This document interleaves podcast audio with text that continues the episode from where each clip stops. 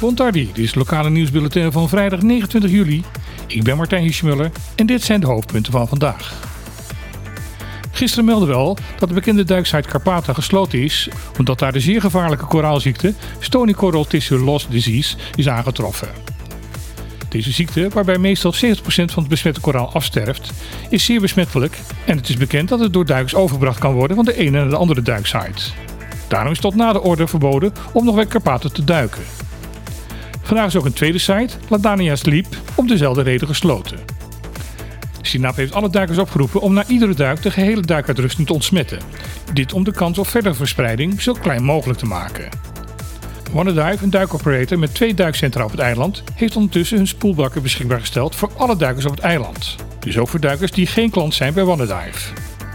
Op deze manier hoopt eigenaar Bart Snel zijn bijdrage te kunnen leveren om de zeer ernstige situatie zo beperkt mogelijk te houden. Snels roept ook andere duikoperators op om zijn voorbeeld te gaan volgen. Hij wil ook graag de waarschuwing geven aan de duikers dat het op dit moment belangrijker is dan ooit om het koraal niet aan te raken. Vlakbij de duikstad Capata ligt ook een vervallen landhuis. En daar is gelukkig positieve nieuws over te melden. Het landhuis was onderdeel van de aloe vera plantage Carpata en stond al vele jaren leeg. Daardoor was het gebouw zwaar in verval geraakt. Daar gaat de stichting Kokari 2 nu veranderingen brengen. Zij willen het landhuis in volledige oude glorie herstellen en met een maatschappelijke bestemming weer openstellen voor het publiek. Ook zal de historische Aloe-oven weer in eer hersteld worden. Afgelopen week is de beplanting rondom het landhuis al grondig gesnoeid, waardoor het weer vanaf de weg zichtbaar geworden is. Het komende jaar zal het gebouw volledig worden gerestaureerd, waarbij zoveel mogelijk duurzame materialen gebruikt gaan worden. Ook zal voor de stroomvoorziening een zonne-energieinstallatie worden aangelegd. De historische kennis voor de restauratie wordt geleverd door de stichting Fuhicubo, waar Kokari 2 een samenwerking mee heeft. Afgelopen dinsdag was het internationale dag van het mangrovenbos. Een belangrijk deel van het wereldecosysteem dat al decennia lang sterk wordt bedreigd. Sinds de jaren 80 van de vorige eeuw is wereldwijd waarschijnlijk bijna de helft van de mangroven verdwenen. Deze zoutwaterstruiken en bomen zijn zeer belangrijk voor de biodiversiteit, het vastleggen van koolstof, waterzuivering en het toerisme.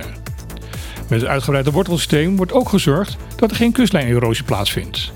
Dat voorkomt dus dat er geen land verloren gaat. Daarnaast zijn de bomen de kraamkamer van heel veel leven in zee.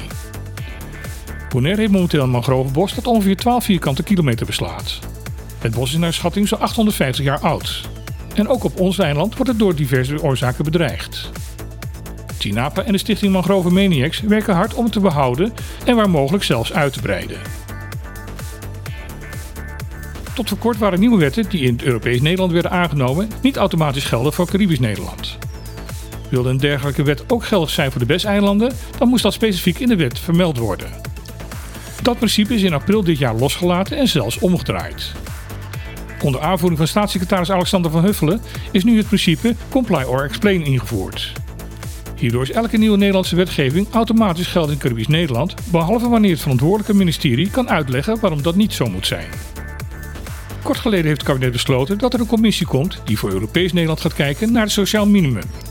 Het opdrachtbeschrijving voor deze commissie is niet op te maken of ook Caribisch Nederland in dit onderzoek meegenomen gaat worden. Dit is voor Tweede Kamerlid van D66 Jorien Buiten genoeg reden om schriftelijke Kamervragen te stellen aan de staatssecretaris van Koninkrijksrelaties. Volgens haar is er geen enkele reden te bedenken waarom Caribisch Nederland niet wordt meegenomen. Het onderzoek richt zich namelijk op de systematiek van het sociaal minimum en niet op de invulling van de bedragen. Daarom vraagt Buiten of de staatssecretaris, conform het huidige comply or explain principe, wil verduidelijken of het Caribisch Nederland wel wordt meegenomen in het onderzoek of duidelijke en uitlegbare redenen kan geven waarom dat niet gaat gebeuren. Dit was het laatste bulletin van deze week. Morgen zal het tussen 12 en 2 op deze zender weer op de klippen zijn. Dat zoals elke week live wordt uitgezonden vanuit Club Trocadero. Tafelheer zal wederom Bouw Scholz zijn en als gast hopen wij Inuit Quintero te mogen ontvangen. Hij zal binnenkort een kitesurftocht gaan maken van Bonaire via Curaçao naar Aruba. Ik hoop u dus morgen weer aan te treffen aan de radio. In dat geval tot morgen. En anders tot volgende week.